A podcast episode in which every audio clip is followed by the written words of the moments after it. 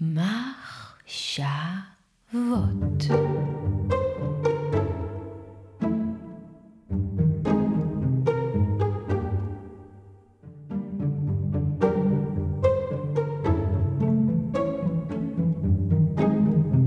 להיות או לא להיות? זאת השאלה. או אפשר גם להגיד זאת השאלה. הכי חרושה מבין אולי כל השאלות. יש כל מיני שאלות, אבל זאת השאלה. אם להיות או לא להיות. אם להימצא ולנכוח, או להסתתר, להסתוות, לדפוק נפקדות, ולא להיות. ומה קשור לשאלה הזאת ולמה אני אומר את כל הדברים האלה? זה כנראה בגלל שאני עומד כאן מול אה, מיקרופון. מדמיין קהל, לא כזה כמו בתיאטרון אודיטוריום שאנשים יושבים בשורות, אלא אנשים בעתיד, הקהל שלי נמצא בעתיד, הוא לא פה מולי. אנחנו לא על אותו ציר זמן בכלל. ואני מקליט את הדבר הזה. והשאלה הראשונה שהדהדה בי, פיעמה בתוכי, והחרידה אותי עד עמקי נשמתי, היא האם אני עומד להיות או לא להיות? זאת אומרת, האם אני הולך לדבר באמת? פשוט לדבר באמת על כל מיני דברים שיש לי אולי משהו להגיד עליהם, או לא. ולמרות שלכאורה לדבר באמת זה דבר כל כך פשוט, פשוט לדבר. זה הולך ומסתבך ומסתבך והולך ומסתבך. ולפני שאולי אני אסביר קצת איך אה, אני רואה שזה יכול להסתבך, ראוי יהיה לציין שאם מישהו מאזין, גם אה, אותו מאזין יכול להיות ויכול לא להיות המאזין יכול להקשיב לדברים שאני אומר ולשפוט אותם בעצמו. לחשוב. לחשוב עליהם משהו ולראות אם זה נוגע או לא נוגע. והוא יכול גם שלא, הוא יכול לשים את זה ולנסוע ולא כל כך להתייחס לזה. הוא יכול לחשוב, מי זה, מי זה האדם הזה שמדבר? מה כבר יש לו להגיד? מה הטייטל שלו? מה התפקיד שלו בחברה? מי זה פרופסור כלשהו מדבר? זה דוקטור לפילוסופיה? שככה הוא מדבר לי על החיים פתאום. זה חוקר מוח? שהוא יודע משהו על... Uh, טבע האדם. הוא יכול להגיד את כל הדברים האלה, המאזין, והוא יכול גם פשוט uh, להיות ולשפוט בעצמו את הדברים שנאמרים. ושוב, זה לא כל כך פשוט. יש מבקרי אומנות, שהם אומרים, זאת אומנות טובה, זאת לא אומנות טובה, לזה כדאי להקשיב, לסרט הזה כדאי ללכת. זה סרט טוב, יש שם uh, משהו חדש. אני תמיד תהיתי לעצמי מאיפה הם יודעים. זה ממש בהגדרה של יצירה חדשה, יצירה שמחדשת משהו ש... עוד אי אפשר לשפוט אותה כל כך. זה חדש, פשוט מתנגשים בזה. ואני גם יכול להיות ואני יכול לא להיות. יכול הייתי להכין הרצאה מראש. ללכת, אה, לקחת מפה ולקחת משם ולחבר כמה רעיונות שכבר התחברו. רק להרכיב אותם קצת אחרת. להוסיף אה, דוגמה מהחיים. להגיד שמות של כל מיני אנשים גדולים, פסיכואנליטיקאים שדיברו על החיים. נוסיף איזה ציטוט של איינשטיין ואולי גם איזה משהו מהתנ"ך, זה תמיד עובד יפה. ואז זה לא בדיוק כשאני הייתי פה, זה היה איזה משהו קצת אחר. בעיניי זה היה קצת משעמם. לא היה אלמנט של אה, הפתעה. אז אה, אני לא הולך לספר על כל מיני טייטלים או על כל מיני מקומות שבעבר רצו או לא רצו לשמוע את מה שיש לי להגיד, או כל מיני אה, אלמנטים כאלה ואחרים שקשורים לאמינות של הדברים שאני אומר, וזה לא מתוך מגלומניות, כמו שזה מתוך נאמנות שלי למבט כמה שיותר ניטרלי בדברים שנמצאים פה ונמצאים שם ושעליהם אני הולך לדבר.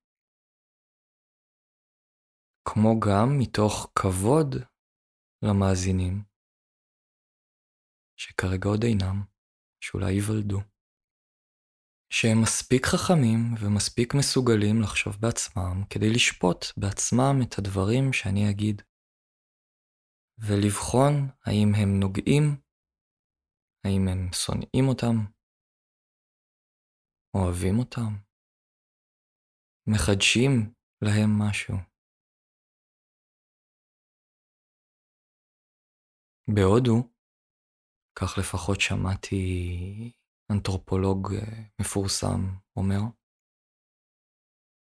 יש שבט של ציידים לקטים, נדמה לי שקוראים לו שבט אה, נייקה, משהו כזה. והוא הסתכל על האופן שבו הם מתייחסים ללמידה, לשיטות חינוך שלהם, והוא שם לב למשהו שמאוד שונה מהתרבות שאנחנו חיים בה. והוא סיפר למשל שכשהגברים יוצאים לצוד, ג'ירפה, הם לא מחכים שמנהיג הקבוצה יגיד להם מה לעשות ויכוון אותם. למעשה אין מנהיג לקבוצה הזאת. הוא אומר שבאופן אינטואיטיבי שכזה, הם מקשיבים קצת יותר לאחד מהחברים שם, שהוא במקרה מאוד טוב בלצוד ג'ירפות. אותו צייד ג'ירפות מדופלם לא קיבל את הטייטל סר או אביר או דוקטור לצד ג'ירפות. הוא פשוט עושה את זה טוב. והם כולם יודעים את זה, ולמה הם כולם יודעים את זה? כי הם כולם מכירים אותו. הם מכירים אחד את השני מאוד מאוד טוב. והם יודעים ששווה להקשיב לו. כשצדים ג'ירפות. יכול להיות שבכל הנוגע לענייני מוזיקה הוא לא משהו משהו איי איי איי. לא מי יודע כמה בטיפוף. אבל כשצדים ג'ירפות שווה להקשיב לו. וזה כל כך הגיוני וזה כל כך מוזר, שאצלנו, אם יש כזה דבר אצלנו, זה לא ככה.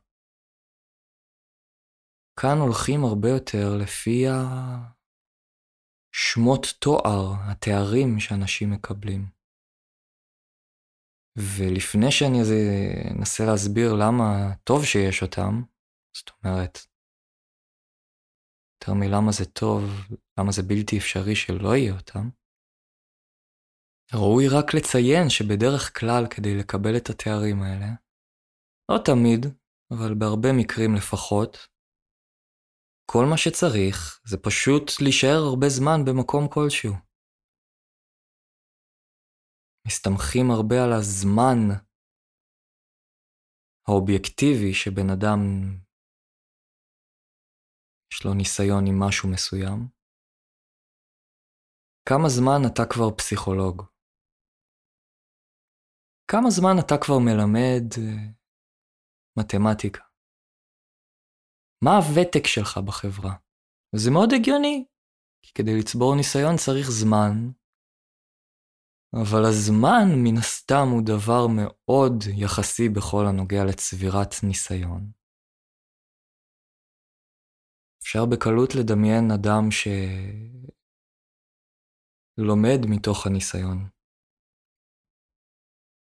ואדם שפשוט חוזר ועושה את אותו דבר שוב ושוב ושוב, ולא כל כך לומד משהו חדש מהעשייה הזאת. ויכול מאוד להיות ששניהם יקבלו את הטייטל הזה. אז איך זה בכל זאת ככה? יש איזה היסטוריון אחד שכתב ספר מאוד מפורסם, שאמר שברגע שקבוצה של אנשים נהיית כבר מאוד מאוד גדולה, משהו מעל, אה, אם אני זוכר נכון, 120 פרטים, אז כבר רואים שמגיע משהו, משהו חדש, שנקרא חוק. יש פתאום רגולציות. יש פתאום כל מיני הסכמות שבלעדיהן זה לא מחזיק. הם לא מצליחים כבר אה, להיות דבוקים ביחד. הם מתפצלים פתאום לשתיים, אם אין את החוק הזה. ומאוד פשוט להבין למה. כשיש יותר מ-120 כנראה אנשים, לפחות בממוצע, האדם הממוצע, לא יכול כבר להכיר את כולם כל כך טוב. הוא לא יכול לשפוט בעצמו ולהגיד, באבר צד את הג'ירפות הכי טוב. בכל הנוגע לטיפוף בתופ... בתופים, אני אקשיב ליוסף, לא לבאבר. ואז ההסתמכות הנכונה וההגיונית פונה לחוק ולרגולציות. כשפרופסור מדבר, שווה להקשיב. כשסתם מישהו מדבר, שווה להיות מאוד מאוד מאוד ביקורתי. אפילו אולי מראש לא להקשיב לו ולבזבז את הזמן. וזה נכון. סטטיסטית, זה נכון מאוד. אבל אז קורה דבר אחר. יש לזה מחיר מאוד כבד. אנשים מפסיקים לשפוט בעצמם. אנשים מפסיקים להקשיב לאינטואיציות שלהם. לאינטואישן שלהם, ללמידה הפנימית שלהם, למה שלא בשליטתם נרשם ונלמד בצורה מסוימת. אבל הם מפסיקים להקשיב לזה, כי עדיף להסתמך על הרגולציות. אז להיות או לא להיות? אז להיות אדם שמקשיב ומבקר בעצמו את מה שהוא שומע. בן אדם שמקשיב לי מדבר ואומר, איזה שטויות הבן אדם הזה אומר, הוא לא מתחשב בככה וככה, ויש גם את הדבר הזה והזה שהוא לא מדבר עליו בכלל. עדיף להיות אדם כזה, או אדם שבכלל לא פתח את הדבר הזה ולא הקשיב לו. או לחלופין שפשוט שומע אותו ברקע. ובתור זה שמדבר בתיאטרון של החיים, עדיף לדבר? עדיף להרגיש ולדבר את מה שמרגישים וחווים? או שעדיף ללכת עם... אה, מה שכבר נבנה לפני, עם החוק הנפשי, לאו דווקא המדיני, החוק כדאי להקשיב. אפשר לדמיין אדם מסוים. יורם. יורם, מאז שהוא היה תינוק, כל הזמן אמרו, זה, איזה תינוק טוב זה. וואלה, מתוק, מקסים, כזה מקסים, לא מפריע לנו לישון בלילה, הוא ישן כל כך טוב. כשהוא הלך לגן לא היה, ההסתגלות הייתה כל כך פשוטה, הוא לא מתלונן בכלל, יורם.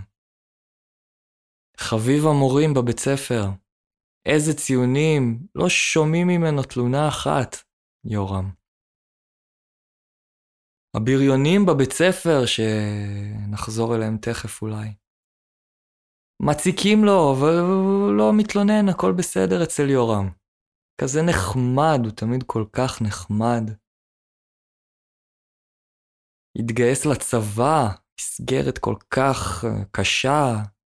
לא שומעים תלונה אחת, הסתדר, הוא במודיעין יורם.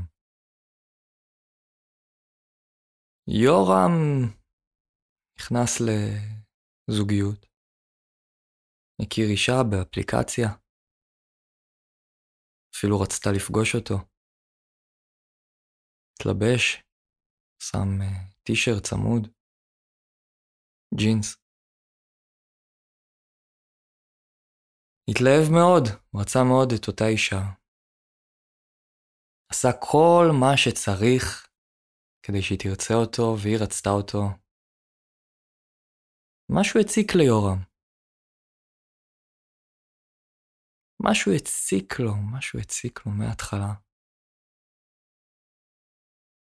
היו כל מיני דברים שהוא חשב, לא היה ברור לו אפילו כל כך מה הוא חושב, אבל הוא חש כל מיני דברים.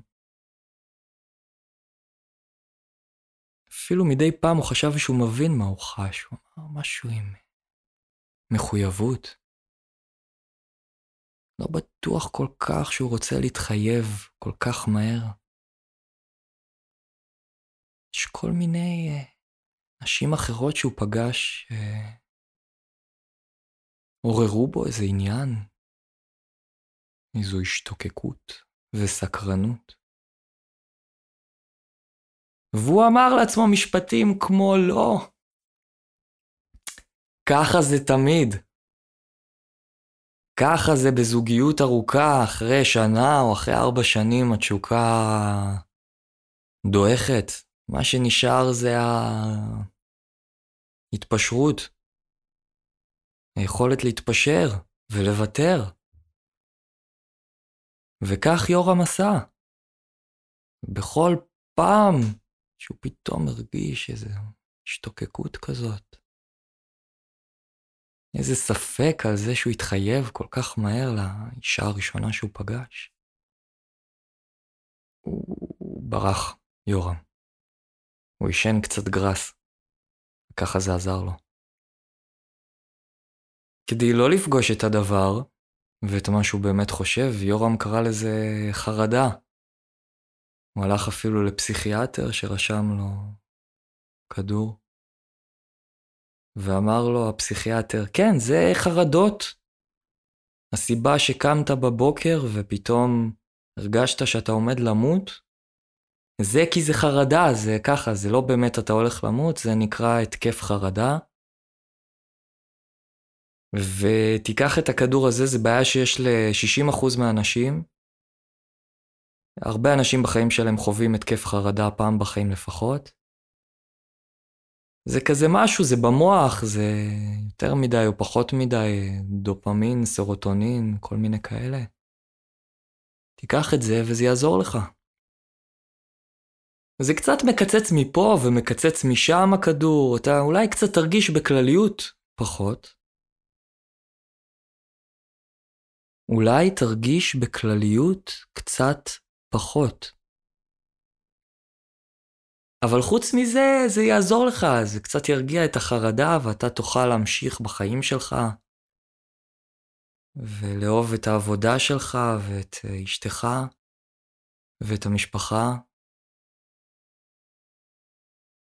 וכך יורם עשה, הוא הרי לא רצה עכשיו לפרק את כל החיים שהוא כבר בנה. המחשבות שלא יכלו להיות, ושיורם העדיף שלא יהיו, נותרו באיזה מצב מאוד מוזר שכזה. מצב גולמי, כמו צבעים, צבעי יסוד. שפלח מתפרצים פתאום. אבל הכדור קצת עזר לזה האמת. אגב, יורם פתח את האלון של אותו כדור וראה שם שהמטרה שלו היא להפחית אה, דיכאון וחרדה. ובלי קשר יש שם עוד איזה 30 תופעות לוואי שיכולות להתממש. שאחת מהן למשל זה שקשה לחוות אורגזמה פתאום. לוקח הרבה זמן, צריכים עכשיו לשכב אה, הרבה זמן, אם הוא בכלל יכול לגמור בסוף. ועלתה ביורם התהייה, מה, איך זה... איך יכול להיות, אה, מה, מה זה בעצם אומר ש... כאילו הכדור בעצם עושה את כל הדברים האלה, גם את התופעות לוואי וגם את מה שהוא מתכוון לעשות. מי, מי החליט לשים את ה...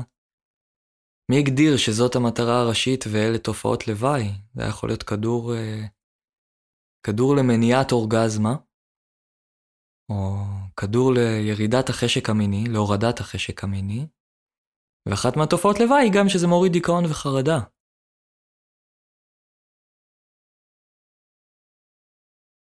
אותו בריון שהציק ליורם אה, בבית ספר, הוא לא כל כך הסתדר בתוך המסגרת הזאת כמו יורם. הוא, כשהוא היה תינוק, אמרו לו, זה... זה פלפל זה. זה, וואי וואי, איזה מזג יש לו זה. צורח ובוכה. זה מה בא לו זה. יש לו קשר מאוד חזק עם אמא שלו זה. כל הזמן קורא לאבא שלו בשם הפרטי שלו, לא קורא לאבא אבא אפילו. כבר ביסודי הוא הביא איזה סכין יפנית לבית ספר. בתיכון כל היום היה יושב בחוץ, מעשן, מציק לילדים. במיוחד לאלה שמאוד אהבו את המסגרת ושהסתדרו בה בקלות. זה לא קיבל על עצמו את הרגולציות שלו, של החברה. זה בקצרה, אני לא אכנס לזה עכשיו יותר מדי, כי כבר נהיה ארוך פה כל הסיפור. הרגיש שזה יצמצם אותו יותר מדי, זה יהרוג אותו. הוא לא רוצה לא להיות, הוא רוצה להיות. זה עם הזמן גם קיבל כמה אבחנות, במקרה הטוב קיבל איזה הפרעת אישיות גבולית, כי הוא נורא סוער, לא מסתדר כל כך בקשרים גם. במקרה הרע הוא כל כך אה, לא רצה לקבל את הסדר המאפן הזה, שהוא חושב שמאפן. עד כדי כך שהוא אפילו לא מעניין אותו לדבר ככה שמי שמולו יבין בכלל מה הוא אומר. הוא הולך עם האסוציאציות שלו. ובמקרה החמור, אז לא יגידו שהוא גבולי, על הגבול בין הפסיכוזה לנוירוזה. שתי מילים מפוצצות, יגידו שהוא פסיכוטי. קשקש, מקשקש, מקשקש, מקשקש. בלי שום היגיון. אכפת לו מההיגיון, זה נראה כאילו אפילו מתריס נגד ההיגיון. ושני אלה, גם היורם וגם הבריון, שלא קיבל שם אפילו, תוצרים מאוד בעייתיים